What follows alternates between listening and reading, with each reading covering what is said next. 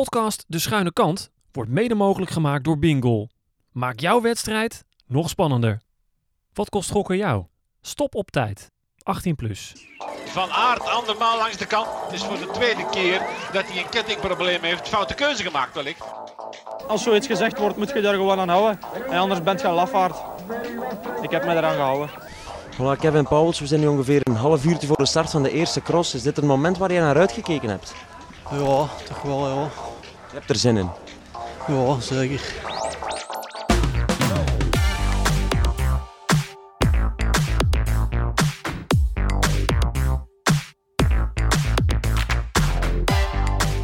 Welkom terug bij De Schuine Kant. Ja, ik zou bijna zeggen, het zit erop. De kerstperiode, het walhalla van de cross, de heilige weken, het is eh, voorbij. En het is ook een beetje over tot de orde van de dag.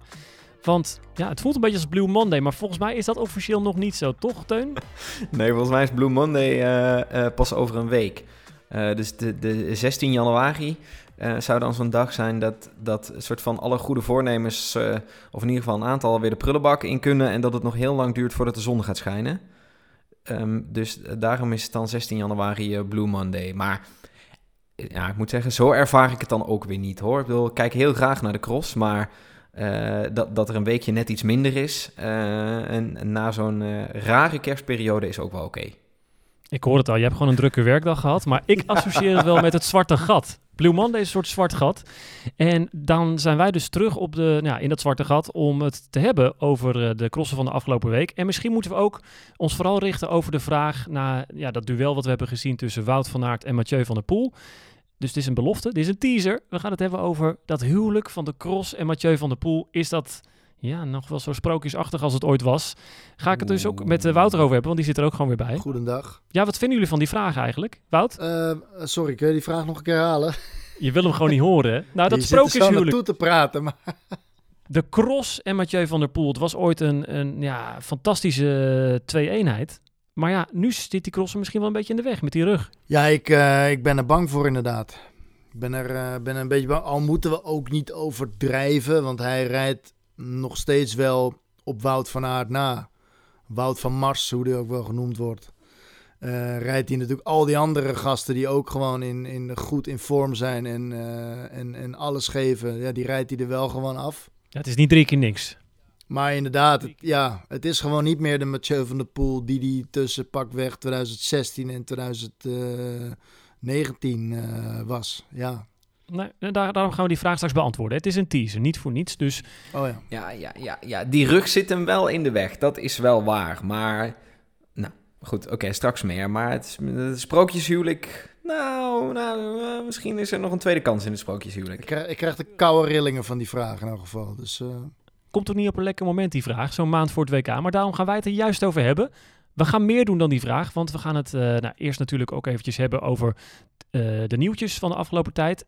Nou, en voordat we dat doen, luisteren we nog even naar Shirin van Anrooy.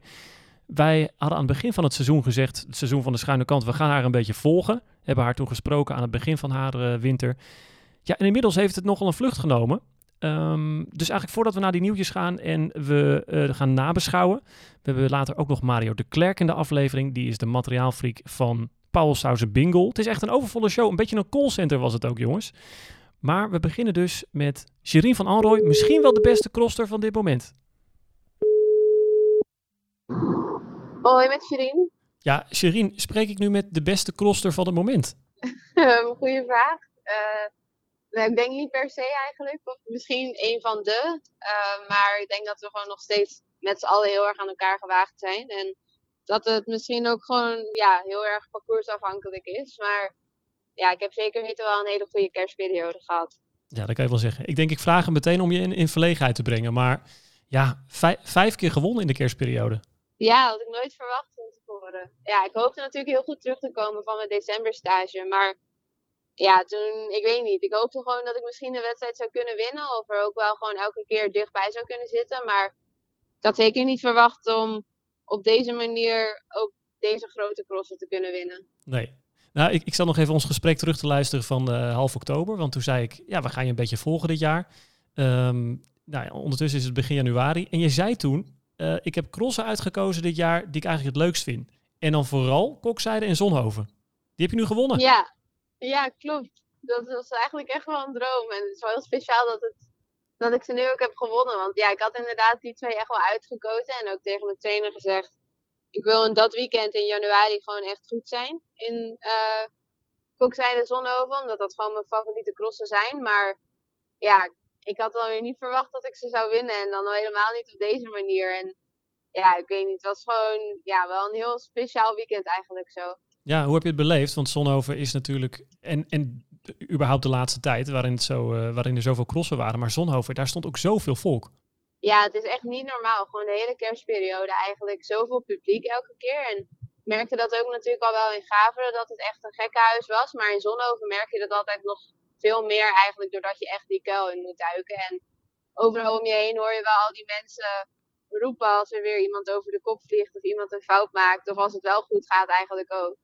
Dus ja, ik weet niet. Er komt altijd gewoon in Zonhoven nog net wat meer adrenaline bij kijken, denk ik. En dat je toch vooral die laatste ronde op die kuil afgaat van oké, ik moet er nog één keer goed doorkomen. En dan, ja, dan kan je gewoon naar de finish rijden en is het niet meer gevaarlijk. Maar ja, je moet toch altijd nog even afwachten of je heel beneden komt. Ja, precies. En je noemde nog even Gaveren. Heb je ook gewonnen? Ja, klopt. Ja, die had ik wel helemaal niet verwacht. Ja, klopt. Dat was ook echt wel een super mooie cross. En ja, was natuurlijk wel in mijn voordeel dat het gewoon heel veel lopen was, denk ik. Maar ja, ook een van de eerste crossen waar ik gewoon vanaf de start eigenlijk wel redelijk goed mee was. En er gewoon echt in en gewoon mijn eigen wedstrijd heb gereden. En ja, doordat ik dat daar heb gedaan en toen heb gewonnen, heb ik dat eigenlijk ook durven doen in de andere crossen in de kerstperiode. Ja, dus zo snel heb je alweer profijt van de ervaring van, van de ene cross. Ik heb eigenlijk heel veel vragen aan je, maar laten we het gewoon even kort houden. Want volgens mij word je best wel belaagd onder de vraag die ik je een tijdje geleden ook al stelde. Um, je zei toen in het begin van het seizoen, er zijn best wel veel mensen die het hebben over belofte of elite. En volgens mij zitten we midden in een bepaalde beslissing, of niet? Ja, klopt. En er wordt inderdaad, die vraag wordt steeds meer gesteld en er wordt steeds meer op gefocust. Maar ja, ik heb er zelf eigenlijk gewoon echt nog geen antwoord op. En ja, natuurlijk ben ik er wel ook gewoon veel over aan het nadenken. Maar ja, ik heb gewoon nog wel eigenlijk eventjes de tijd. Het WK is er nog niet. Het is er natuurlijk al wel super snel. Maar ja, het is gewoon nu nog even voor mezelf heel lastig. En ja, het, is gewoon, het zijn allebei hele mooie wedstrijden. En, heeft, mag ik eens, heeft het te maken met dat je gewoon heel graag ook die belofte trui wil hebben? Stel, stel dat je hem vorig jaar dat je die sprint net gewonnen had van, uh, van Puk Pietersen. Was het oh, dan een ander verhaal geweest? geweest? Ja? ja? Ja, ja, Als ik die sprint vorig jaar wel had gewonnen, dan had ik zeker weten elite geworden. Um, ja, dat weet ik eigenlijk echt wel heel zeker. Maar ja, het is nu inderdaad gewoon lastig. Vorig jaar heb ik hem net niet gewonnen. En ja, natuurlijk Puk en Fem hebben hem allebei wel. Maar uh, en iedereen zegt dan nu ook wel van ja, dat een elite podium eigenlijk natuurlijk net zo mooi is. Of eigenlijk nog hoger staat en mooier is dan die belofte titel. En ja, dat gevoel heb ik nu zelf dan persoonlijk niet. Dus ja, daarom is het gewoon wat lastiger. Omdat die elite titel winnen is het mooiste wat er is. Maar de concurrentie is zo groot. En het is ook gewoon Hogerheide is zo'n ander parcours dan de crossen die ik de afgelopen weken heb kunnen winnen. Ja. Waar gewoon in Hogerheide minder specialiteiten naar boven komen eigenlijk. En het waarschijnlijk, of ja, in ieder geval een grotere kans is dat er meer rensters bij elkaar blijven. En ja, dan is het gewoon weer een hele andere wedstrijd. Lijkt misschien wel een klein beetje op Beekse Bergen? Uh, ja, misschien wel. Maar ja, zoals ik ze toen heb kunnen verrassen, dat ik denk ik niet nog een tweede keer. Nee, dat laat ze zich denk ik niet meer gebeuren. Oké, nou we wachten het rustig af. Nog heel veel wat. Wat is de, de, de planning tot aan het WK? Want je gaat volgens mij eerst op stage, hè? Ja, klopt. Ga nu woensdag naar Spanje toe en dan uh, blijf ik daar ook om de Wereldbeker in Benidorm te rijden. En vlieg ik terug om waarschijnlijk om te rijden voor het WK. Oké, ja. Dus um, niet zo heel veel crossen meer dan eigenlijk, hè? Maar dat geldt voor iedereen natuurlijk. Ja, klopt. Nog drie crossen en het seizoen zit erop. Het is ineens echt super snel gegaan eigenlijk. Ja, nou, gelukkig hebben we je nog even kunnen spreken. Heel veel succes met uh, die stage. Geen NK dus. En uh, ja, ik ben heel benieuwd wat het gaat worden, de keuze. Ja, ik zelf ook. Dankjewel. Ja, dat was dus uh, Shirin van Anrooy. Vijf van de zes crossen van de afgelopen 2,5 week gewonnen. En dan nog dus die twijfel. Ik vond het ook ergens wel heel erg ja, aandoenlijk of zo dat ze er nog steeds niet helemaal over uit is. En met dat WK wat over een paar weken is, dan zegt ja, ik ga nog even mijn tijd nemen. Maar hoe luisteren jullie daarnaar? Wat moet ze doen? is ze er echt niet over uit, is dan het eerste wat ik me afvraag. Ik denk dan eh, zo kort voor het WK, ze moet toch ook weten op, op welke tegenstanders ze zich uiteindelijk moet gaan, uh, moet gaan focussen. Dus ik vraag me af of ze er echt niet uit is, of dat ze gewoon besloten heeft het nog niet te zeggen, zodat mocht haar vorm achteruit gaan of wat dan ook, zijn stap terug kan doen. Nou ja, als je ervan uitgaat dat ze dus het seizoen begonnen is met de insteek, ik ga het WK bij de belofte rijden. Uh, dan is dus eigenlijk zeg maar de, de, de noviteit, de nieuwigheid is, oeh, het gaat wel heel goed. Moet het niet toch bij de elite? Dus ik snap wel dat ze nog twijfelt. Um, maar Wout, wat denk jij? Wat moet ze doen? Nou, ik, ik, ik denk dat het heel moeilijk te, te beoordelen is van de buitenkant. Hoe, dat, hoe het voelt dat je een, een wereldkampioenschap binnen handbereik hebt. In welke, in welke categorie het ook is. En ja, ik denk dat wij, het is heel makkelijk om te zeggen, ja, je bent uh, de top drie bij de elite. Dus ja, het is een no-brainer om naar de elite uh, te gaan. Maar ja, je, je laat wel in nu zeker natuurlijk een 100% kans liggen dan. En ik snap wel dat ze daarover twijfelt. Oeh, Teun kan zich er niet in vinden. Nou, nee, nee, nee, ja, kijk, nee, uh, Wout zegt terecht dat zij waarschijnlijk zeker van, van Empel en, en, en Pietersen, die rijden um, bij, de, bij, bij, de, bij de elite. Um, dus ja, Van Anrooy kan het wereldkampioenschap bij de belofte in principe niet ontglippen. Aan de andere kant denk ik wel, dan heeft ze die trui, dan staat dat achter je naam. Vervolgens mag ze die trui precies nooit aan. Uh, omdat dat ze vanaf volgend seizoen eigenlijk toch wel bij de elite uh, zal gaan rijden. Ja, waarom zou ze zich dan nu, nu niet gewoon meten met de top? Ook omdat die twee andere uh, dames ook onder 23 zijn. In principe ook nog bij de belofte mee hadden mogen doen. Dus eigenlijk is het gewoon een, een, een, de enige drie die om de belofte strijd, de titel zouden strijden. Alleen dan bij de elite. Ja, maar het geinige is natuurlijk dat het seizoen begon met die alle drie nog bij de, bij de belofte. Van Empel, die, die gaf als eerste dan aan van oké, ik ga toch bij de elite rijden. Werd meteen Europees kampioen. Pietersen, die heeft gisteren nog als belofte gereden in Zonhoven. En die heeft nu zoiets, oké, dat NK komt eraan. Ik durf het nu wel aan. Ik, uh, ik, ik, ik kan Van Empel verslaan, want dat is dan haar belangrijkste concurrente. Ja, voor Van Alrooy, die is nog weer later aan het seizoen begonnen. Dus misschien is het ook een soort, ja, hoe noem je dat? Een soort uh, harmonica-effect. Maar denk je nu dat ze het gewoon aan het uitstellen is? En dat ze denkt dat NK ga ik in ieder geval nog bij de belofte. En dan uh, kijk ik zo vlak voor het WK wel. Zoals Mathieu van der Poel ooit echt vijf dagen van tevoren besloot. Nou ja, ze gaat dus dat NK niet rijden. Ze gaat nu op stage. Dus dat is ook alweer, dat helpt om die keuze op te schuiven. Ja, ik, ik, ik geloof haar wel. Ik denk dat ze het oprecht nog niet weet. Ja, ik denk het ook. En jij, je, zegt terecht, ze mag die trui nooit aan. Maar daar gaat het natuurlijk ook niet helemaal om. Hè. Het gaat om de aanhalen. Je bent dan voor altijd ben je wereldkampioen. En ja, ik snap, ik, ik, ik zou het wel snappen als je dat niet wil, dat je dat niet zomaar wil laten lopen, dat je daar goed over nadenkt.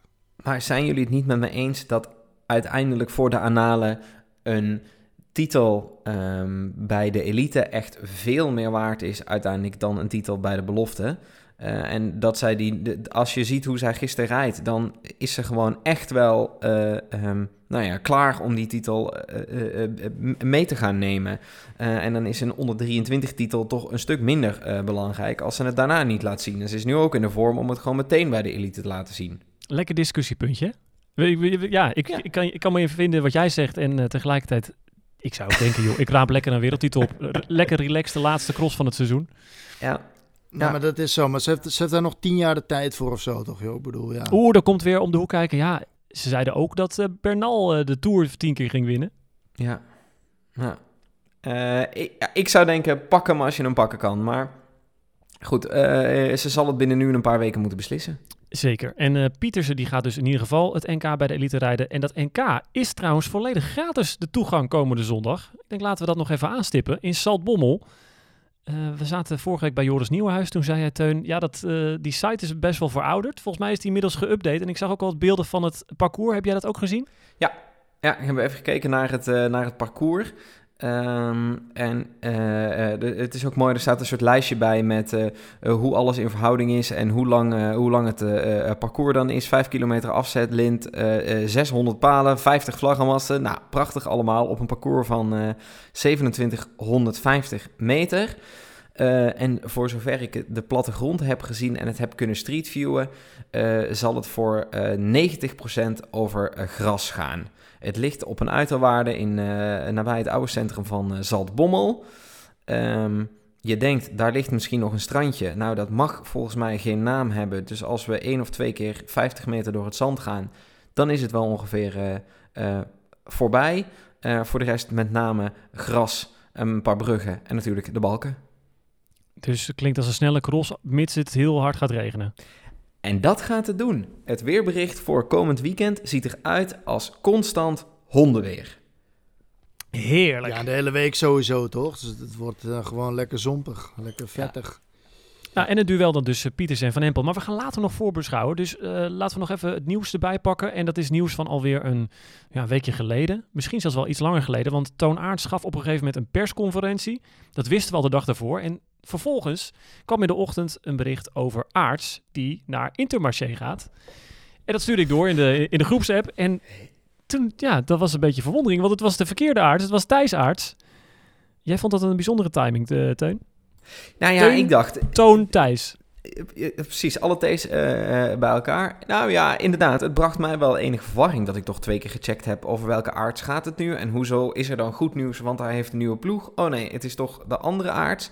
Eh, ik geloof dat de deal was, ze gaan of allebei naar Intermarché op het moment dat Toon ook geen schorsing krijgt van de, van de UCI. Nou, nu gaat dus alleen Thijs eh, omdat Toon uiteindelijk wel eh, geschorst werd. Ja, ik snapte niet zo goed ehm, waarom je dit nieuws zou brengen op het moment dat je, kan me tenminste niet anders voorstellen, weet dat broeraarts zulk slecht nieuws heeft gehad. Had het dan een dag daarvoor of drie dagen daarna eh, gedaan, maar nu op de dag zelf, bijna gelijktijdig met die persconferentie, ja, dan sneeuw je hoe dan ook onder. Dus ik vond het hele rare timing. Inderdaad, opmerkelijk. En dan komt dus die persconferentie van Toon Aerts. En die had ook niet per se ja, goed nieuws, want eh, het is al een jaar gaande.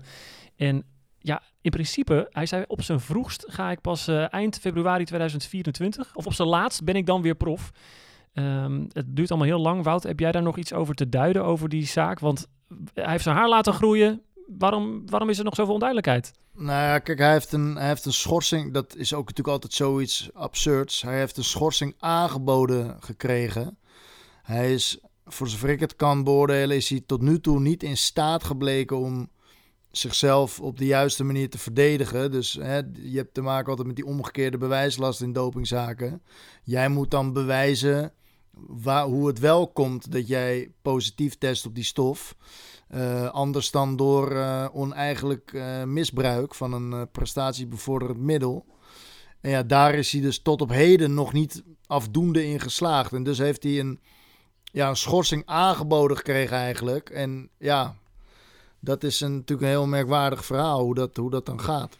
Ja, en daar is die, die, die heeft hij geaccepteerd eigenlijk, hè, dat aanbod, die schorsing. En nu speelt dat niet bepaald minder kaart. Ehm, ik denk Ja, dat hij we... is nog bezig met een laatste controle, toch? Hij probeert toch nog een keer te bewijzen dat hij, dat hij echt clean is. Hij is een hoger beroep, ja, dat klopt. Hij heeft zijn haar inmiddels dus wel geschoren, of geknipt moet ik zeggen. Het is niet dat hij kaal is, maar had echt een eh, behoorlijk wilderige rock-and-roll look. en nu ziet hij er gewoon Ja. weer uit zoals Toon Aerts eruit moet zien.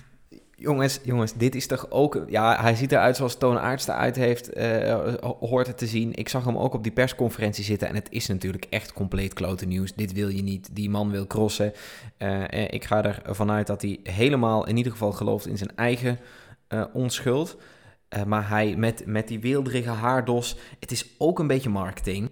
Eh, om, om, om het merk goed eh, neer te zetten. Zoals de Cinco Cinco Cinco Cinco van Alejandro... Eh, nee, niet van Valverde, van Contador... al wel honderdduizend keer hebben teruggezien... is het natuurlijk ook op zo'n dag... hoor je er een beetje zielig en een beetje sneu uit te zien.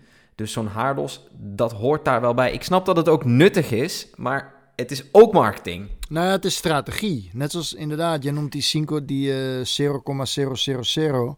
Dat is ook een strategie om het, om het zodanig te verkleinen van hé, hey, het is verwaarloosbaar wat ze gevonden hebben. Alleen ja, dit is helaas niet altijd, was bij Contador ook natuurlijk, uh, ja, kun je ook over twisten. Uh, lukt niet altijd. Nee, en laten we in ieder geval concluderen, het zijn geen krokodillentranen, want dit gaat je niet in de koude kleren zitten als crosser. En één winter ja, moeten missen. Hè. Hij heeft zich al voorbereid, hij is in principe gewoon fit om, om te crossen, maar volgend jaar, dat zal wel heel taai worden. Dus benieuwd of dat hoge beroep nog iets gaat opleveren. Um, ik zei net al even, dat WK komt er toch echt wel aan, jongens. We gaan naar de climax van het seizoen.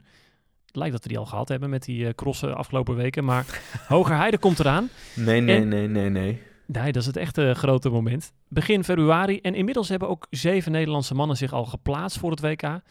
Um, er zijn ook zeven plekken beschikbaar. Maar dat zou nog wel eens uh, ja, dringen kunnen worden. Of een lastige puzzel voor de bondscoach. Want ook David van der Poel, die uh, zich afgelopen weekend in Zonhoven bij de top 16 reed. En Stan Godri, als ze allebei nog een keer top 16 rijden in de Wereldbeker, dan zijn zij er misschien ook bij. Um, het is wel eens anders geweest, hè? Dat, dat er überhaupt niet zo heel veel te kiezen was voor de bondscoach. Uh, nou ja, dat. En dit betekent dan ook dus, um, zoals jij het uitlegt, dat we dus eigenlijk negen renners hebben waarbij we maar plek hebben voor zeven. En die mogen dan in principe aangewezen worden. Ja, nou, zijn er dus nu zeven uit zeven, maar die twee zouden er nog bij kunnen komen. Ja. En David van der Poel wil heel graag zijn carrière beëindigen in Hogerheide, zijn, zijn crosscarrière. Dus ja, dan zal er toch wel eh, gekozen moeten worden. Nou, dat wordt David van der Poel toch, denk ik. Lijkt mij Lijkt mij duidelijk, eerlijk gezegd.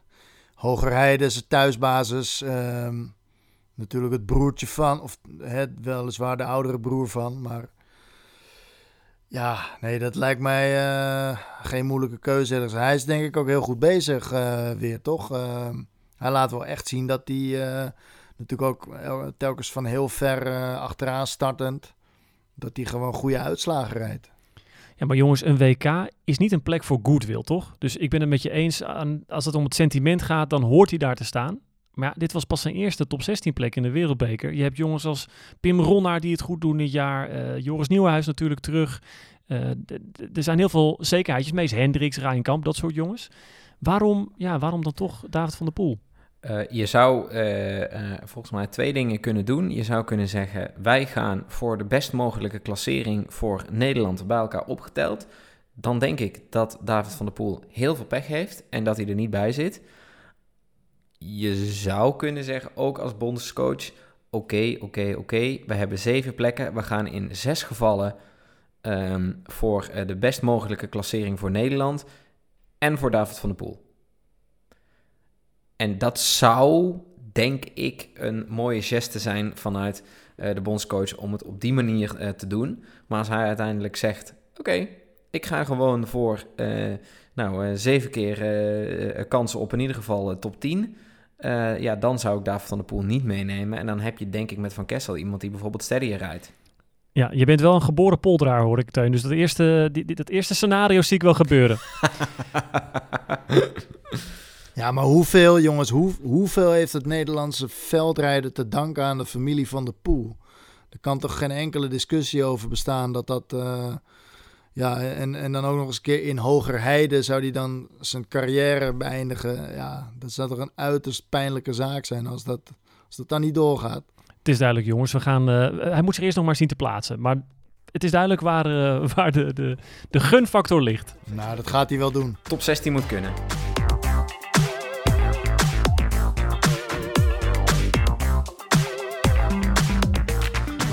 Hoog tijd om het te hebben over de crossen van afgelopen weekend, van afgelopen week, maar vooral natuurlijk het weekend. We hadden op zaterdag Gulligum.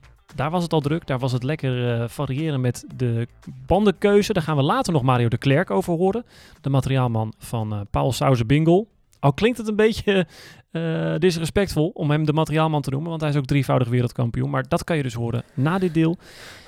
En toen kwam Hij is gewoon een freak, toch? Materiaal freak, precies. Hij vindt het, vindt het heel leuk om, om te zoeken naar het beste materiaal en zo. Dus wij dachten wel, nou, als we het dan toch met iemand hierover moeten hebben... en ook omdat we zelf niet zoveel weten, dan is het Mario de Klerk wel. Ja, dan kan je maar beter door de, een van de beste laten adviseren... of in ieder geval laten bijpraten. Dus dat uh, hoor je straks. Zonhoven, zondag. Dus ik zou zeker blijven luisteren. ja, nou, dit, dit, dit is een soort aankondiging vol reclame... We gaan het hebben over Zonhoven. Het stond vol in de kuil. Het was jaloersmakend als je er niet bij was. Uh, het deed denken aan ja, de, de, de, de hoogtijdagen van de cross. De drukste winters voor, van voor corona. Want dit hebben we de afgelopen jaren niet gezien. Jongens, hoe hebben jullie er naar zitten kijken? Want ik vond het echt, uh, nou ja, wat ik zei, jaloersmakend. Kijk, um, wat, wat het volgens mij het beste samenvat is... Um, die gasten die, uh, uh, die, die, die staan daar aan het vertrek. Um, binnen, want we moeten er ook nog bij zeggen, het parcours in Zonhoven is wel veranderd, waardoor er eigenlijk meer gebruik werd gemaakt van hoe fenomenaal de kuil is. Normaal gingen ze er geloof ik één keer doorheen en nu raakten ze de kuil zelfs drie keer. Um, wat er ook voor zorgde dat, dat het parcours bijna door het publiek heen slingerde. En uh, er was een punt, volgens mij, op het moment dat ze de tweede keer door de kuil uh, gingen. Daar stond een camera gepositioneerd. Um, die maakte eigenlijk een shot van een deel van het parcours en hoe dat publiek echt als een soort kom uh, die, die kuil gevuld had. Daar zie je zelfs een keer Wout van Aert richting het eind van de wedstrijd zwaaien naar het parcours of naar, naar het publiek om ze alvast te bedanken.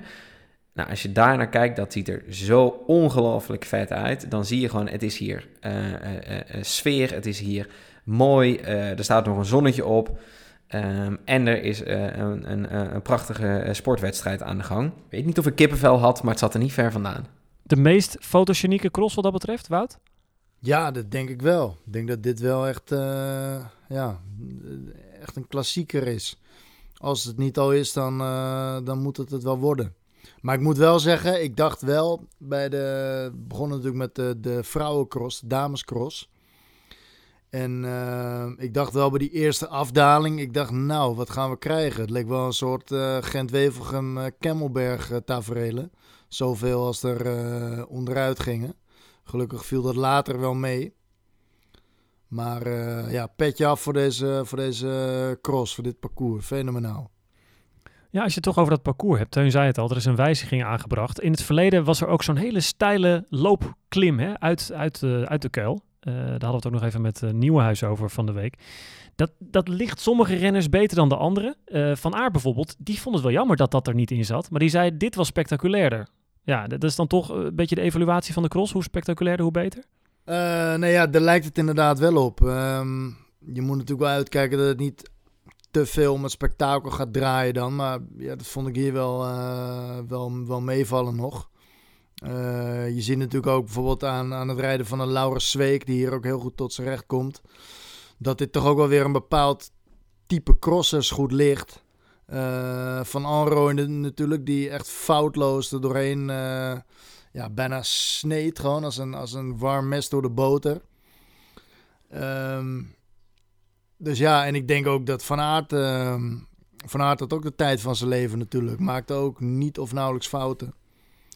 Kijk, voor een, voor een Van Aert is natuurlijk dat, dat klimmen, dat, dat, dat gaat hem uh, uh, vrij goed af. Hij is, hij is heel sterk. Um, hij vindt het misschien ook nog wel mooi om te doen met die fiets op de schouder uh, een heuvel op. Um, dus ik vind niet zo heel gek dat hij zegt, nou ik vond dat ook wel mooi of uitdagend of wat dan ook. Maar als je kijkt naar hoe het parcours helemaal veranderd is, uh, dan bestond het. Nou, was, was de kuil echt wel de scherprechter in het parcours. Het ging op vele stukken rechtdoor. Um, er zaten wat kleine uh, slingertjes uh, in. En nu is het gewoon echt een heel veelzijdig parcours geworden. Waarbij de kuil echt een heel mooi onderdeel is van het parcours. Maar niet per se de enige scherprechter in het parcours. Nee, leuk dat je dat zegt, want ik hoorde Thijs van Amerongen in het verslag zeggen dat de eerste jaren die keul niet eens gebruikt werd bij de cross in Zonhoven. Nou, dat, dat kan je toch niet voorstellen? Uh, dat is zo zonde. Ja, dus wat dat betreft, uh, nou ja, ook mooi om te zien dat zo'n cross, we noemen het al een klassieker, maar dat hij nog in, uh, in, in beweging is en dat hij in ontwikkeling is. Het was ook de cross waarbij het duel nummer 9 was van dit jaar tussen Wout en Mathieu. Want ja, hoeveel we het natuurlijk ook uh, over de cross in de breedte hebben, daar, daar zoomen we op in de laatste tijd. Dat kan niet anders. De stand was 5-3 aan de vooravond van uh, Zonhoven. Van Aert die reed de dag daarvoor nog in Gulligem. Mathieu van der Poel niet. Natuurlijk ook vanwege de rug die we ook in Kokzijde weer zagen opspelen. Ja, wat was jullie voorgevoel uh, bij begin van de cross in Zonhoven? Want dan, dan heb je al die, die berichten gehoord over de rug die weer opspeelt. Ehm, dan is het niet de makkelijkste cross om weer te hervatten. Nee, je weet gewoon met een, een, een cross die voor een groot deel bestaat uit uh, zand, uh, dat, dat het heel veel vraagt van je rug. Wat vraagt nog meer van je, uh, van je rug? Dat is een afdaling. Nou, die zitten dan toch zeker drie pittige in in Zonhoven. Um, dus ergens hoopte ik dat, dat een goede behandeling die Van der Poel uh, in de afgelopen week gehad had, dat het, dat het wat zou doen. Ja, het werd al snel een beetje twijfelachtig of het, of het genoeg zou zijn. Uh, zeker ook toen hij later zelf aangaf uh, dat hij nou ja, wat voorzichtig moest zijn vanwege de rug. Ja, eh, ik hoopte het heel erg, maar het, ja, het bleef wel ingewikkeld. En als je dan kijkt naar de start, want hij had wel een, echt een kopstart, hè, de eerste twee ronden. Ja, hij was zo weg. Hij, uh, hij dook echt, uh, uh, als een stel hyena's doken ze een beetje die, die kuil in. En ik dacht in eerste instantie nog wel, oh, hij gaat hier misschien wel een voorsprongetje pakken. Want Van Aert kwam geloof ik de kuil uit als achtste, denk ik. Uh, dus ik dacht, nou, misschien uh, dat Van, van der Poel hier uh, al, al winst probeert te pakken. Maar nou ja, nou, voor Van Aert stelde het echt heel weinig voor. Die was er zo bij. Ja, ik denk dat... ehm, kijk, dat kan hij natuurlijk wel, hè, Van der Poel. Hij is natuurlijk explosief. Hij is altijd, hij is, hij is, hij is altijd scherp. Um, maar ja, wat het misschien ook... Misschien is het niet eens per se echt een rugkwetsuur of blessure is het gewoon het feit dat Van Aert zo sterk is en zo goed is, dat Van der Poel hier gewoon ook tegen zijn eigen fysieke limieten aanloopt. Ook door, door denk ik, de ultra-professionele manier waarop, waarop Van Aert en, uh, en ze natuurlijk bij Jumbo-Visma het aanpakken. Denken jullie niet dat, dat daar gewoon langzamerhand een beetje het verschil in gemaakt wordt? Nou, ik, ik wil wat dat betreft ook wel een hypernucleaire vraag stellen, als het mag. Ik had... Ik had uh, die bom. Ik had Sander Valentijn op bezoek. Uh, ik heb met hem de cross gekeken in Zonhoven, de, de host van de Kop over Kop podcast. En Goeie podcast. We hadden het er, nou inderdaad, dat mogen we ook wel even benoemen. En we, ja, ik zei, is het niet dat Mathieu van der Poel nu ook zijn rug een beetje als excuus begint te gebruiken. In dit stadium van het seizoen dat hij merkt, oeh, van aard, op deze manier ga ik hem niet kunnen kloppen. Hij probeert het echt met man en macht in het begin van die wedstrijd. Valt hij een paar keer, waar, waaruit je kunt opmaken dat hij alle risico's neemt. En ik dacht, ja, die rug is ook wel iets fijns om dan te noemen. Ik vind het niet fijn om zo over onze, nou ja, uh, we zijn de officieuze fan uh, podcast van Mathieu van der Poel. Maar toch, ik moet de vraag stellen. Nou, ik denk dat, ik denk dat het wel, dat hij zeker last heeft van zijn rug. En dat hij daardoor niet een hele ronde voluit kan gaan. Ik, ik heb geen reden om dat niet te geloven. Maar het, ik, ja, ik, ik, er zit natuurlijk wel wat in. Dat het niet, uh, hè, dat hij dat hij gewoon tekort komt in algemene zin. En dat, dat vertaalt zich dan in een, in een rugprobleem, wat hij dan als eerste voelt. Want ja, hij voelt natuurlijk zijn benen niet als, uh, als eerste. Aan de conditie ligt het ook niet. Maar het is gewoon die, ja, die, die ultieme power die die, die, die nodig heeft, die, uh, die Van Aert kan ontwikkelen. Van Aert is zo ontwikkeld, denk ik, zo gegroeid. Uh, die heeft zo, zoveel stappen gemaakt afgelopen twee jaar. Ik denk dat dat het is. Ja, en Van Aert heeft gewoon een ander wapen. Die heeft dat vermogen. Dus Van der Poel moet het van die explosiviteit hebben. En als je dan met zo'n kwakkelende rug zit... Uh, ik, ik denk wat dat betreft, wat dat bedoelde ik eigenlijk met die vraag... dat het hem gewoon overvalt. Dat de winter zo loopt zoals die nu loopt. Nou ja, en, en je, je kan ook andersom zeggen dat, dat het eerste deel van de winter hem eigenlijk best wel oké afging nadat hij vorig jaar geen winter heeft, uh, heeft kunnen draaien. Dus hij is nu een, een goede maand, week of zes misschien, uh, uh, actief in het veld. Nou, de eerste vier zijn hem eigenlijk best wel oké afgegaan. Um, vorig jaar niks gedaan, dus nou, oké, laat het een tussenjaar zijn, hopelijk. Uh, en laat de rug zeker geen excuus zijn om, um, nou ja, een beetje te verdoezelen dat hij gewoon niet zo goed is. en dan is hij volgend jaar weer helemaal back on track. Een tussenwinter? Ja, waarom niet? Als student kan je een tussenjaar nemen, waarom kan dat als veldrijder niet? hij is gewoon, hij, hij, ik weet niet, er mist, er mist iets. Ik weet nog dat we aan het begin van, van dit, dit crossseizoen, uh, is alweer zo lang geleden, lijkt, uh, lijkt uh, voelt als gisteren. Ik weet niet hoe jullie dat hebben, maar dat we, tenminste dat ik heel stellig was. Ik, ik, ik wil ook alle blaam bij mezelf leggen, maar ik ben niet De grote één. v- ja, eh, van hij gaat het doen, geen twijfel mogelijk, bla bla bla. Hij is op alle fronten is hij meer talentvol. Maar jij stelt, je stelt inderdaad die vraag terecht. Hij, hij, kon, hij heeft denk ik altijd te veel op zijn talent kunnen teren. Al kun je natuurlijk wat mij betreft nooit te veel op je talent teren, maar hij, hier is hij niet genoeg op voorbereid geweest, denk ik, in zijn hele leven. Dat, dat, dat hij puur op waarde geklopt wordt. Nou ja, dat brengt me dan misschien bij de vraag waar we het begin van de uitzending over hadden. Ehm, en wat ik met die vraag bedoel is dat in het verleden werd altijd gezegd... de kern van het fietsen, van het fietsbestaan van Mathieu van der Poel ligt in de cross. Daar is hij mee begonnen, daar is hij gelukkig geworden, daar is hij een winnaar geworden. En daar haalt hij ook zijn, eh, eigenlijk zijn, zijn wapens en zijn kracht vandaan voor zijn wegseizoen. Dus daar, op basis daarvan heeft hij die sprints in de Ronde van Vlaanderen kunnen winnen. Heeft hij eh, die, die Max Explode in de Tour en in de Giro kunnen doen. Dus het werd altijd heel erg geroemd, die cross. Ehm, nu, met die rugproblemen, we, ja, misschien moet het ook in de lijn zien met bijvoorbeeld David van der Poel. Die gaat vanwege rugproblemen zijn carrière beëindigen. Zijn paar jaar oudere broer. Nu hebben we een paar jaar met rugproblemen bij Mathieu. Is het nog wel zo verstandig om te blijven crossen? Het, eh, wat jullie ook al zeiden, conditioneel is er niet zoveel aan de hand. Hij heeft nog steeds die explosie. Maar misschien past het gewoon minder bij een wat oudere, bij een wat oudere man. Ja, eh, ik, ik, ik denk dat het een wat oudere, maar eh, heel erg fitte eh, man is. Dus, de- dus wat dat betreft denk ik het niet. Ik denk ook dat hij het mentaal eigenlijk nodig heeft, maar dat het mentaal wel een extra tik is. Als in hetgeen waar je eigenlijk heel veel kracht, heel veel lol ook uithaalde. en je was er ook nog gewoon rete goed in. Als, als, als dat even niet wil. Dat, dat, dat is mentaal wel extra zwaar. Ehm, maar ik denk nog steeds dat het hem heel goed past. En dat, dat, dat hij uit het begin van dit, seizoen, dit, dit eh, winterseizoen ook best wel veel lol heeft gehaald. Ehm, nou, dan gaat, gaat het nu iets minder, maar wie weet waar hij over twee, drie, vier weken eh, eh, staat. Dus nou, ik, zou, ik zou hem zeker nog niet op willen geven. En er is ook één fundamenteel verschil hè, met vorig jaar. Dat hij nu aangeeft, en ik heb ook wederom geen reden om daaraan te twijfelen in eerste instantie. Vorig jaar had hij doorlopend last van zijn rug, als een soort chronische rugpatiënt. En nu voelt hij het alleen opspelen in een cross, als hij heel veel kracht zet na een halve ronde. Dus dat is wel bemoedigend. Ja, dus wat dat betreft is het niet, het gaat niet alleen maar over die rug. Ik kan me ook voorstellen, als je Wout van Aert fan bent en je luistert nu al een kwartier naar ons gesprek, dat je denkt, jongens, jullie zitten- hebben het alleen maar over Mathieu van der Poel, alsof, eh, alsof het aan Van der Poel ligt dat hij niet meer goed is. En ja, Ja, dat moeten we toch ook wel zeggen, hè? die van Aert. Wat, wat is het een machine, man? Hoe, hoe hij eh, ehm, de- de- telkens weer bijkomt, eh, eh, ontsnappingen van eh, Van, van der Poel eh, eh, het teniet doet. Eh, en, en nu, ik zat nog even te kijken naar, uiteindelijk wint hij gewoon met bijna anderhalve minuut voorsprong deze cross. Je bent gewoon echt heel erg sterk als je dat voor elkaar kan krijgen. Eh, hoe die ook super behendig telkens weer die kuil induikt, een goede spoor weet te volgen.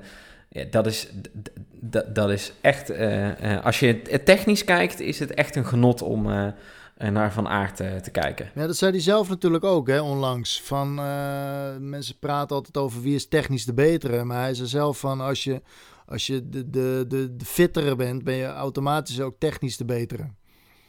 En dat, ja, dat lijkt me heel duidelijk zichtbaar. Want de man maakt echt bijna geen enkele fout. Althans niet voor het blote oog zichtbaar. Nee, en toch heeft hij toch, hij komt ook elke cross, lijkt het wel wat tegen. En hij is ook in staat om telkens weer die gaatjes te dichten. Het is niet, de, hè, Van der Poel had altijd de strategie, eerste ronde doortrekken en meteen was hij weg. Dat, dat heeft Van Aert bijna nooit, maar hij, heeft, hij is altijd in staat om dingen nog recht te zetten in het tweede deel van een cross. Maar toch, als je kijkt naar de cross van gisteren, wat is hij dan echt tegengekomen, behalve een twee keer vallende Mathieu van der Poel voor zijn neus? Nou ja, gisteren was hij wel echt outstanding, hè? ja, toch? Ja, waanzinnig. Houden jullie van statistieken? Ja, zeker. Cijfertjes.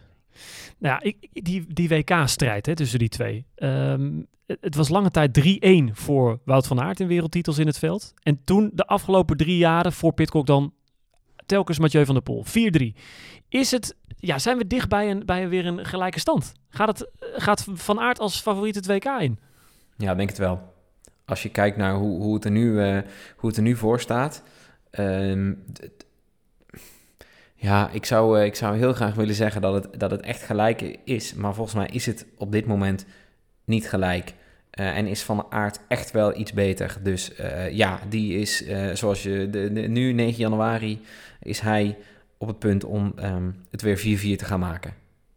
Ja, zo zie ik het ook. En het zou ook, het, want de tijd, je noemt het, de tijd dat Van Aert op een gegeven moment 3-1 voor stond eh, in WK's. Dat was natuurlijk op dat moment totaal geen realistische afspiegeling van de verhoudingen op dat moment. Van de pool die bijna elke cross eh, won. Alleen op de beslissende momenten ja, had Van Aert het geluk en soms ook de betere strategie of de betere piek aan zijn zijde. Nu, deze winter, is, ja, is, is Van Aert gewoon op alle hoeken is die van de pool de baas. En ja, zou het eigenlijk eh, onrechtvaardig zijn als Van Aert niet met die regenboog eruit gaat lopen, toch? Zeker, zeker. Maar jongens, ik heb een heel mooi scenario. Want um, ja, het, het, is wel een paar keer gebeurd dat bij een WK in Nederland een Nederlandse crosser als de absolute favoriet dat WK inging en dat het twee keer misging. Denk aan Lars Boom in 2009. Denk aan Van de Poel in 2018 in Valkenburg. Teun, jij stond er met je neus bovenop. Ja, nu is het misschien wel lekker om iets meer vanuit de luwte. Vaak is het een beetje speels, hè, van de underdog-rol uh, induiken als, als Mathieu van der Poel zijn. Dat kan eigenlijk niet, dat bestaat niet. Nu is het misschien wel gerechtvaardigd en kan die misschien gaan verrassen. Ja, het, is, het, is denk ik wel lekker om niet met uh, alle druk die hij de afgelopen jaren heeft gehad uh, zo'n WK in te gaan. Tuurlijk. Leg het maar bij de andere kant neer, dat is prima. Mooi, dus jullie gaan er wel in mee? Nou ja, ik ga in, in, in deze theorie ga ik wel mee. Ik wilde eigenlijk nog wel graag een, uh, een, een, een groot voordeel schetsen van um, het feit dat uh, Wout van Aert wel het WK zou uh, winnen. dat is namelijk dat hij dat afzichtelijke pakje eens uit kan trekken wat hij, wat hij nu draagt. De modepolitie! Want, sorry, ja, de, de vaste luisteraar kent inmiddels mijn obsessie met truitjes, shirtjes, broekjes, helmpjes, brilletjes en schoentjes een beetje. Uh, maar ik zat gisteren te kijken en toen dook Van Aert uh, op een gegeven moment in zijn eentje die kuil in. Toen zag ik uh, dat hij dan die Belgische kampioenentrui aan heeft. Daar had hij dan een soort... Die is mooi. Ja, dat durf ik ook te betwijfelen. Maar oké, okay, daar wil ik dan nog wel in meegaan dat die wel aardig is. Um, daar had hij dan een soort neongeel brilletje bij op. Dat zeker net niet het Belgische tricotgeel was. Um, en daar heeft hij dan ook nog uh, sinds in de cross al langer op de weg, uh, sinds kort, een helmpje bij op.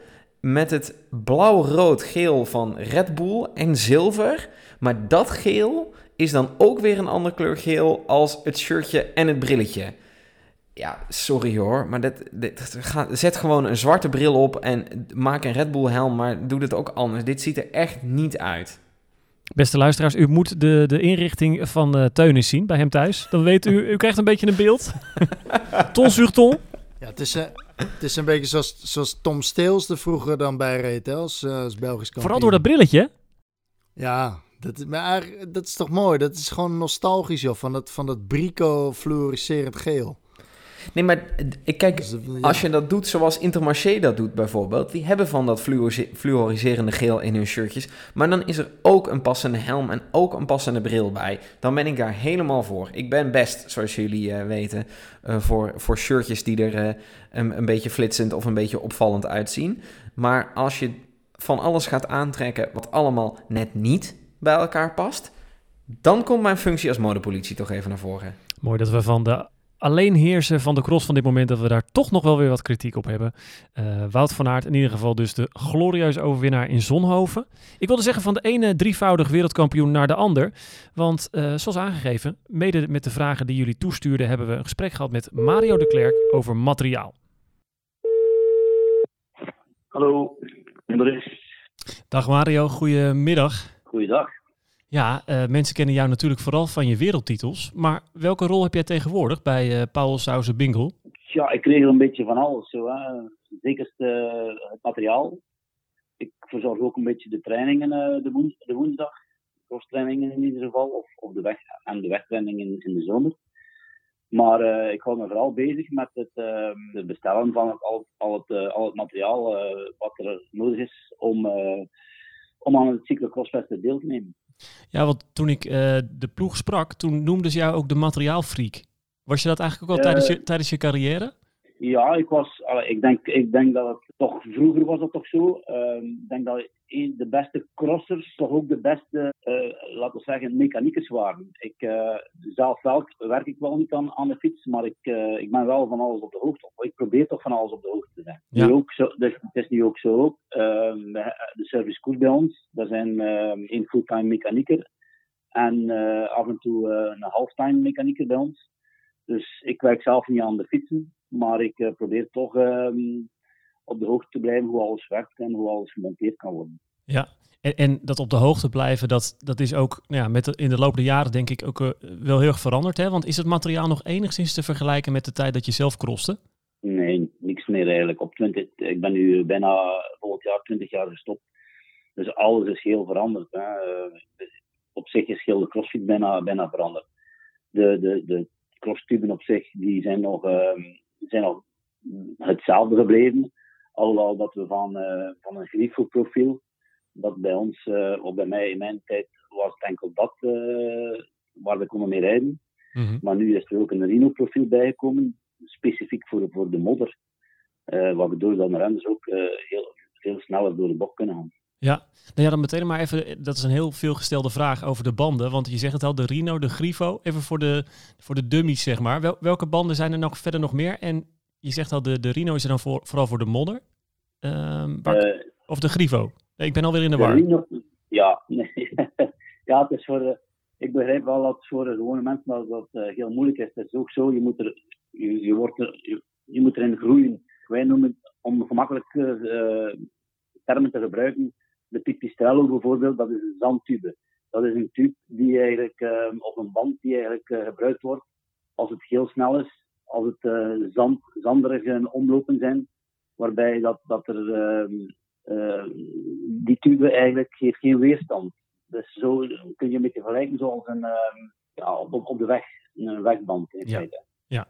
En dan, ja, en dan heb je de, het Typhoon of het Grifo Dat, is, dat gaat over het eh, profiel, hè? ja, dat is het profiel. Daar wordt eigenlijk 80% van, van de wedstrijden mee, mee gereden. Dat is zo een beetje tuss, tussenin. Eh, een beetje modder, een beetje snel. Dat is, eh, ai, daar wordt 80% van de wedstrijden mee gereden. En dan heb je het echte het Rhino-profiel. En het Rhino-profiel, dat is echt voor, voor, voor, de, voor de modder. Ja, dus, dus eigenlijk, je zegt al 80% met die, met die maar er zijn eigenlijk drie verschillende banden die je kan Ja, gebruiken. drie, ja, je hebt drie verschillende banden. Eh, Heb jij eigenlijk, eh, eh, ben je op de hoogte van de, de opmerking die Paul Herrijgens een tijdje geleden had om die banden kleuren te geven, zodat het voor de kijker interessanter wordt om, om dat te volgen, net zoals in de Formule 1? dat zou wel makkelijker zijn. Het zou in, in ieder geval gemakkelijker zijn als, voor, voor de gewone mensen om, om te weten met welk profiel dat ze rijden. Maar soms is het ook onder de renners eh, een beetje een spelletje dat ze spelen. Want de ene gaat vragen naar welke, ba welke bandenprofiel ga jij rijden. De ander zegt dan naar Grifo. En dan komt de andere start toch naar Rino. Eh snap je? Dus eh, ik denk niet eh, dat de renners dat graag zouden hebben. Maar het zou eventueel wel, zou eventueel wel leuk zijn om het op tv te kunnen zien. Ja, precies. En ze willen natuurlijk niet hun, hun geheimen wat dat betreft prijsgeven. So- soms is het ook niet En- meteen duidelijk in een cross waar je het best mee kan rijden. hè. Ik zag dat in Gulligem, dat het een paar ronden dan misschien zoeken is naar de goede, nou misschien niet het goede profiel, maar wel de goede bandendruk. Gebeurt dat ja, vaak? ja, dat gebeurt vaak dat ze tijdens de wedstrijd ook, ook wisselen. Maar nu in Zulgem, ik was er toevallig ook. En eh, daar, de opwarming is daar gebeurd in droog weer. Dan is het eigenlijk, de, de start was, van de wedstrijd was om, eh, om drie uur. En ze hebben opgewarmd, eh, de verkenning van het parcours hebben ze gedaan rond één uur. En ik denk tien voor drie is het beginnen regenen. Dus zijn de, de opwarming is gebeurd met, eh, met de Grifo. En in de wedstrijd zelf eh, hebben ze naar Rino overgeschakeld. En ook de druk hebben ze moeten verlagen. Ja. Dus dat was de, eerste, de eerste drie à vier ronden van, eh, was het constant naar, de materiaal, naar een materiaal eh, mechaniekers roepen. eh, de druk lager, ander profiel, breder profiel. Want ja, het is ook zo, we spreken nu over het, ehm, over het profiel. Maar dan heb je ook nog de breedte, eh 30, 32 of 33 mm. 33 is het maximum. Dus ja, hoe, ehm, hoe zachter de ondergrond, hoe breder dat je het profiel neemt. Je kan dat een beetje vergelijken met een, een, hoe, met een, een mes. Hoe scherper je mes, hoe dieper dat je dat je erin zakt. Ja, Dus precies. hoe breder dat je, hoe breder dat je je band maakt door de 33 te gebruiken en minder druk erin, hoe minder dat je dieper zakt in de, in de modder. Dus ja, dat, dit eh, klinkt wel in als- Als dat dan, een, dat, dat dan een cross is die voor de, nou ja, voor de mensen die, die een beetje met het materiaal eh, spelen en daarvan houden, dat het wel een wat interessantere wedstrijd is, toch? ja, het is, het is zoeken, hè. Ook, voor, ook voor de renners. eh, Ook voor de renners is het zoeken. Die opwarming is, is heel belangrijk om te kijken eh, welk profiel dat ze gaan gebruiken en dan nog een keer welke breedte eh, dan, ze, dan ze gaan nemen. Het is, eh, ja, het is, het is leuk om, om, om eraan deel te nemen. En, en, voor ons is het ook leuk als je als ploegleider of daar staat en dat je kunt mee, mee beslissen over, over welke renners, eh, welke profiel van de renners zullen nemen. En we hebben het over de, de banden nu gehad. Eh, zijn er eigenlijk grote verschillen ook in de, in de verzetten die renners laten monteren? Of is dat wel een beetje gelijk in, in bijvoorbeeld in jullie ploeg of überhaupt in, eh, in het veld? Ja, dat is, eh, dat is ook heel veel, veel veranderd met, met de versnellingen. Hè. Wij, wij we zijn gestart met acht, acht speed, dat wil zeggen acht kroontjes achteraan. Nu, nu rijden, rijden de renners met 12 speed, dus dat zijn de vierde kroontjes eh, extra. En eh, ja, dan kan je ook van een 11 naar 34. Dus het kleinste kroontje achteraan is 11. En het grootste kroontje achteraan is 34. Dus dat is al, dus al, heel veel. Als je het vergelijkt dan eh, over 20 jaar, dan was het 12, 25. Dus je kan al een heel stuk, eh stijl, een stijler stuk omhoog rijden dan, dan, dan, dan vroeger. Dat wij er eh, sneller moesten lopen. Ja, denk, denk je dan ook wel eens van, oh, was ik maar twintig jaar later in de cross geweest, dan had ik ja, ook, ook qua materiaal nog weer zoveel verschil gemaakt. Of is het dat je, zoals je in het begin zei, de beste crossers waren toen ook de beste mechaniekers. Dus misschien had je daar juist een voordeel in die tijd. Ja, maar toen, toen was het ook zo. Hè. Maar nu, nu hebben de, nu hebben de crossers eh, heel veel materiaal. Eh, wij hadden, wij hadden drie fietsen. Nu, zijn de sommige renners, de, zeker de kopman, hebben zes fietsen. Dus dat is, is, is helemaal, eh, helemaal, anders, eh, helemaal anders geworden. Maar heb ik spijt eh, dat ik 20 jaar dat ik nu niet zou kunnen crossen. Als ik van Aert en van der Poel zie rijden en Pitcock en, en al de rest, dan heb ik, ben ik blij dat ik over 20 jaar heb kunnen crossen. Ja, dat, dat kan ik me voorstellen, Mario. Ja, dat, dat, dat was toch een ander verhaal geworden misschien. We- weten, Ja, dat denk ik. weten de renners in jouw ogen eigenlijk tegenwoordig nog wel zelf genoeg van materiaal? Minder dan in onze tijd. Onze tijd was, wij moest- moesten onszelf meer behelpen. En nu zijn er allemaal eh, ja, ploegen en, en eh, bussen en met vrachtwagens komen ze, komen ze naar, de, naar, naar, naar de cross. Dus alles wordt gedaan voor de renner zelf. Ja, in onze tijd, ja, wij kwamen met de volumewagen en eh, dan, dan, eh, dan begon het. Ehm, als we op de cross kwamen, eh, als we dan eventueel moesten een cassette eh, veranderd worden achteraan, omdat we een klein kroontje no- nodig hadden, dat gebeurde allemaal eh, net voor de wedstrijd. Nu, nu zijn er, eh, ja, de, de renners hebben 20 paar wielen bij, bij zich. eh, ja, het is maar te nemen eh, naar het parcours, hoe het parcours zich verlengt. Het is helemaal anders geworden. Nou ja, en je hebt het over een cassette vervangen. Ik, dat vroeg ik me ook nog af. Hoe lang gaan die onderdelen eigenlijk mee? Eh, Zeker een cassette, bijvoorbeeld als je dan zo'n zandcross hebt en het regent ook nog. Is het dan ook Ja. klaar na een cross? Wordt die dan meteen vervangen? Of? Nee, nee, nee. Het is zo, met dat de renners zoveel, zoveel wielen hebben, eh, en dan, dan gaat dat veel langer mee, omdat ze niet altijd met, met dezelfde cassette en met dezelfde wielen rijden, ook niet met hetzelfde profiel. En daardoor gaat dat langer, gaat mee. Natuurlijk, wat er wel eh, veel veranderd wordt, dat is het, voor, het voorblad. Dus eh, de voorversnelling met de tandbladen op van eh, 46, eh, 39. Of andere ploegen rijden met een enkel, een één enkel blad dat zal waarschijnlijk ook wel de toekomst worden.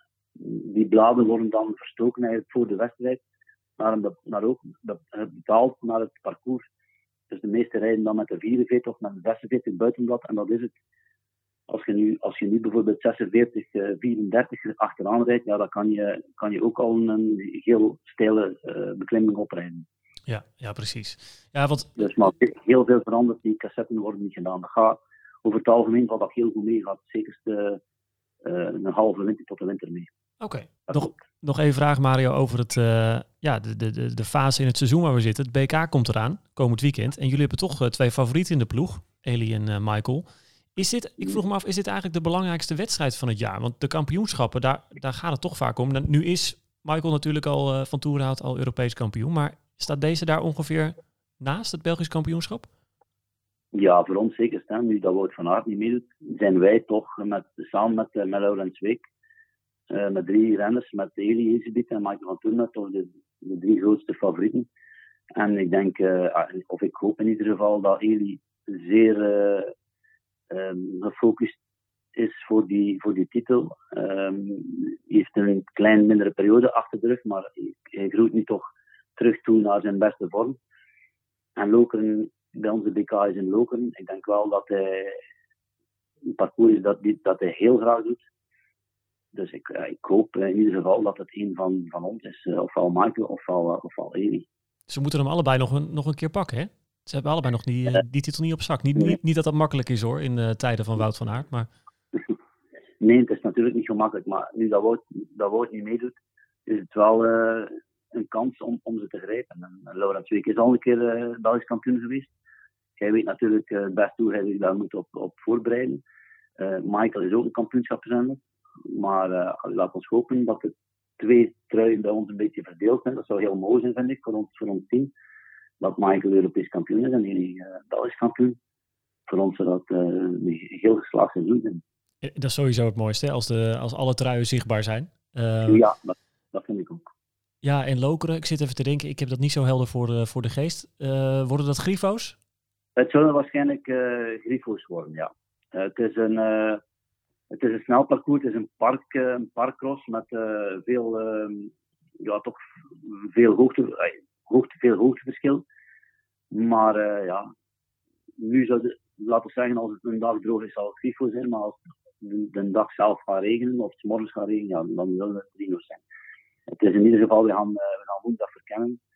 En daar zal er ook al veel over gesproken worden, welke profiel en welke breedte dat we zullen aan de start komen. Aan de hand dan natuurlijk nog afwachten hoe het de weersomstandigheden zijn. Ja, dat is altijd hè, bij de cross. Ja, dat is uh, een heel belangrijk onderdeel, de weersomstandigheden. Dank Mario. Ik uh, ben iets wijzer geworden over het materiaal. En hopelijk onze luisteraars okay. ook. Oh, ik, hoop het. ik hoop het ook. En uh, dat ze, als ze nu de tube nog een keer een kleur kunnen geven, dan wordt het toch makkelijker om de uitleg en om het misschien gemakkelijker te begrijpen. Ja, dat was dus Mario de Klerk, um, ja, de materiaalfreak, zoals we al zeiden. En Teun, dat was een vraag voor jou volgens mij over die gekleurde banden. Uh, de, de, het, de suggestie van Paul Herreigers. De Klerk ziet het dus wel zitten, maar de renners niet. Ja, nee, ja, ik, ik, nee, dat is eigenlijk een beetje jammer dat hij dat meteen als een soort disclaimer erachteraan zegt. Dat hij zegt, nou, het lijkt me eigenlijk wel leuk. Maar ja, de renners houden hiervan om een beetje mee te spelen en elkaar een beetje voor de gek te houden. Dus ja, ik weet niet of ze het zien zitten. Ik denk dat het er voor de kijker echt heel veel duidelijker op wordt uh, waar de verschillen gemaakt worden. En als jij ziet in een moddercross dat de eerste acht met gele bandjes uh, uh, rijden en pas nummer negen met groen, dan weet je dat er ergens een foute keuze gemaakt is. Um, en, en hij ziet het ook wel zitten. Dus nou ja, ik hoop dat die suggestie van Paul Herreigers misschien toch langzaamaan uh, in het peloton wat, uh, wat aan, uh, nou ja, aan, aan, aan, hoe zeg ik dit? Populariteit. Precies, dankjewel. Gaat, gaat winnen. Ja, en nou, sinds, sinds wanneer hebben renners iets te zeggen dan over UCI-regels? ja, niet zoveel, hè? nee, eigenlijk hebben ze daar niks over te zeggen. Maar ik denk dat het wel helpt als heel veel renners hiervoor zijn. Wat ik dus wel leuk vond, is dat, uh, dat Mario aangaf dat er uh, vergeleken met zijn tijd, 20 jaar geleden, toen hij crosste, dat, dat de renners eigenlijk helemaal niet zoveel, niet, niet zoveel verstand meer hebben van materiaal. Noemen wij ons een beetje onwetend en bankzittend. Maar ja, de renners zelf, wat kunnen ze, wat kunnen ze nog? Vind ik dus eigenlijk best wel zonde. Ja? Kan je dat voorstellen? Ja, ik, uh, ik, ik geloof het wel, eerlijk gezegd. Want kinderen groeien natuurlijk tegenwoordig op met zo'n overdaad aan wat er, wat er beschikbaar is qua materiaal, qua techniek. Dat, je, dat het allemaal redelijk vanzelfsprekend uh, is, denk ik. Terwijl ze vroeger ja, uh, veel zuiniger moesten zijn op hun spullen. En ook, denk ik, meer met, ja, zelf het verschil konden maken daarmee ook. Terwijl nu voor iedereen eigenlijk alles wel beschikbaar is. Maar is dat echt zo? Als jij begint als 16, 17, 18-jarige crosser, of misschien daarvoor nog wel, dan is het toch vaak één fiets met een cassette en een pakkie. En daar zul je dan je eerste wedstrijden op moeten rijden. Dus dan moet je dat materiaal toch mm, samen met je vader meestal goed onderhouden. Dus dan is het toch nog echt niet zo dat zomaar alles beschikbaar is. Sterker nog, eh, voor, voor iemand die denk ik echt veel weet van zijn fiets als eh, eh, onze eh, ehm, jongen die we eerder gesproken hebben, Gosse van der Meer. Die moet het met niet al te veel materiaal doen. Dus daar zul je er echt wel wat van moeten weten. Alleen als je voor een Alpecin of voor een Jumbo rijdt, heb je eindeloos materiaal. Alles daaronder zou ik bijna denken, nou, Nee, maar moet je toch wel dat- wat weten. Daar, ga- daar doelt hij toch ook op? Nee, maar dat doelt hij toch ook op. Die, die, die profs die zo verwend zijn als eh, ik weet niet wat. Die bij die teams rijden, ja, waar alles mogelijk is. Ja, en als je opgroeit eh, en je raakt gewend dat je verwend wordt, snap ik ook alweer dat je er niet snel eh, uitgedaagd wordt om die dingen te leren. Dus interessant eh, inkijkje wat dat betreft. Over het BK, want we hebben het over de NK's die eraan komen, de nationale kampioenschappen, zaterdag en zondag. Ehm, de meeste zondag. Voor, voor Paul Sauze-Bingel is dat dus eigenlijk de belangrijkste wedstrijd van het jaar geworden. Ze hebben al die Europese kampioenschapstrui. Dus idealiter zou Elie Isebiet zijn eerste Belgische titel pakken. Eh, ja, als we toch heel kort daarop voorbeschouwen, wie, wie zien jullie daar als de favoriet in België? Want Isebiet is wel weer terug, hè?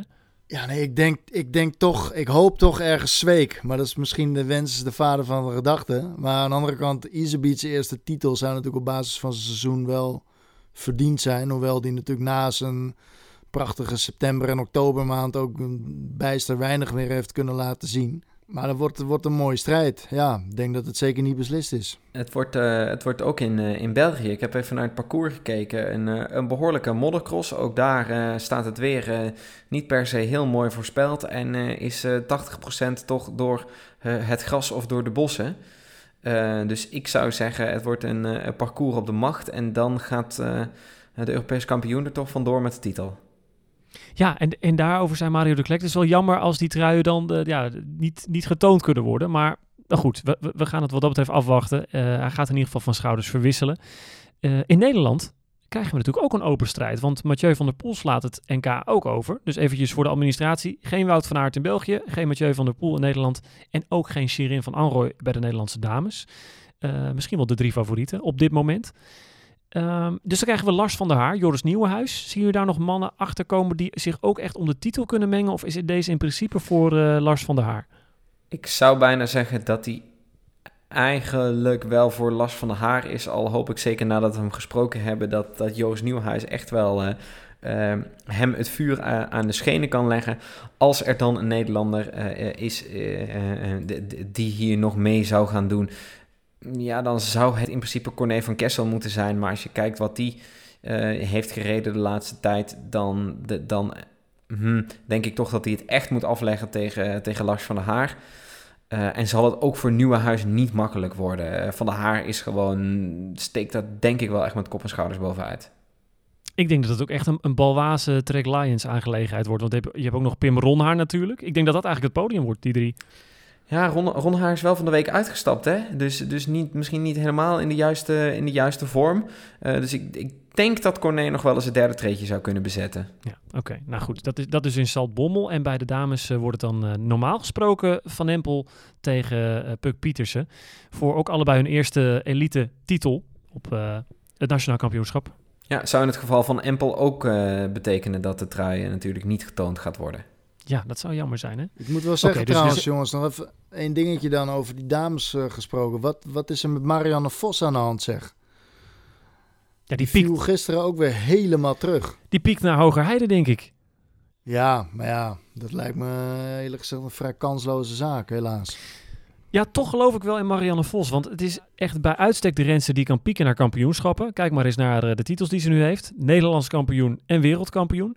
En hoe vaak heeft ze die titels wel niet gepakt? Ik, ik sluit het toch niet uit hoor. Maar eh, natuurlijk, er is wel echt een, een, een... Het is een ander verhaal nu met eh, Van Empel en Pietersen. Dat is ook wel andere tegenstand dan bijvoorbeeld Alvarado en Worst in de jaren daarvoor. Toen er echt een eerste nieuwe lichting kwam. Dus ja... Maar goed, Marianne Vos moet je nooit afschrijven. nee, zeker niet. En wat, en wat dacht je van Zeker Brand? niet. Die is natuurlijk ook wel, eh, wel goed op dreef in die tweede lijn. Ja, wat je zegt in de tweede lijn. Die zie ik wel voor, voor plek 3 strijden. Maar nee, ja, dit gaat gewoon, te- wat mij betreft, tussen Van Empel en Pietersen. Daar sluit ik me geheel bij aan. En jongens, gratis toegang hè, voor het publiek. Gra- gratis toegang bij het NK in Saltbommel. De ene laatste cross in Nederland van het jaar. Dus eh, komt dat zien, zou ik zeggen. En wij zijn er zondag ook alweer. We zijn dan niet live vanaf het NK. Maar eh, Wouter, waar gaan we naartoe? Ja, we gaan eh, op bezoek bij onze, onze vriend de commentator, hè? Thijs van Thijs van Amerongen. Ja, wij gaan eh, op bezoek in zijn nieuwe fietsenwinkel. Ehm, ja, hij heeft eh, ook wel meerdere WK's gereden. Dus daar gaan we het ook maar eens even over hebben, denk ik, in aanloop naar Hogerheide. Eh heb je nou vragen aan Thijs van Amerongen, commentator dus bij Eurosport, elk weekend te horen? Dan kun je ze vooral stellen via Instagram of via onze ja, mail eigenlijk. Doet hij het nog, Teun? Ja, zeker. Onze mail doet het zeker nog. Podcast de schuine kant at gmail.com.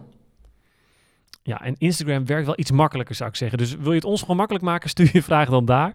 Eh belangrijker misschien nog, abonneer je op onze podcast. Ehm, ja, en een leuke review, daar eh, maak je ons ook altijd blij mee. Ja, en mannen, het, het- de, de, de crossluwe periode breekt aan, de kampioenschappen en verder nog een handjevol crossen. Ja, ik zie wel uit naar bijvoorbeeld zo'n zo'n heerlijke... Het voelt toch een beetje als een cultcross. In, eh in Benidorm bijvoorbeeld, eh, eh, die er aankomt. naar het NK en dan alle ballen op het, op het WK. En dan... Nou, ik wil daar nog helemaal niet aan denken dat dan misschien het seizoen er ook wel eens een keer op zou kunnen zitten. En dat, ik wil wel denken aan het feit dat de zon misschien gaat schijnen, maar er moet in ieder geval nog ergens gecrossed worden. Ja, maar het is, ook, het is ook wel even goed, toch? Want dat je na zo'n, na zo'n piekperiode, na zo'n periode van misschien stiekem een beetje overkill, dat je dan weer even de gelegenheid krijgt op adem te komen en even weer de, ja, de nieuwe zin kunt ontwikkelen. En dan, ja, dan kun je weer niet wachten op, dat, eh, op die kampioenschappen. Je richt op de andere zaken des levens. Nou, ik moet goed zoeken om ze te vinden. Maar ik ga mijn best doen. En eh, ja, dan eh, kunt u ons dus komende zondag weer horen. Dank voor het luisteren. En eh, tot de volgende. Adios, doei! Joejoe!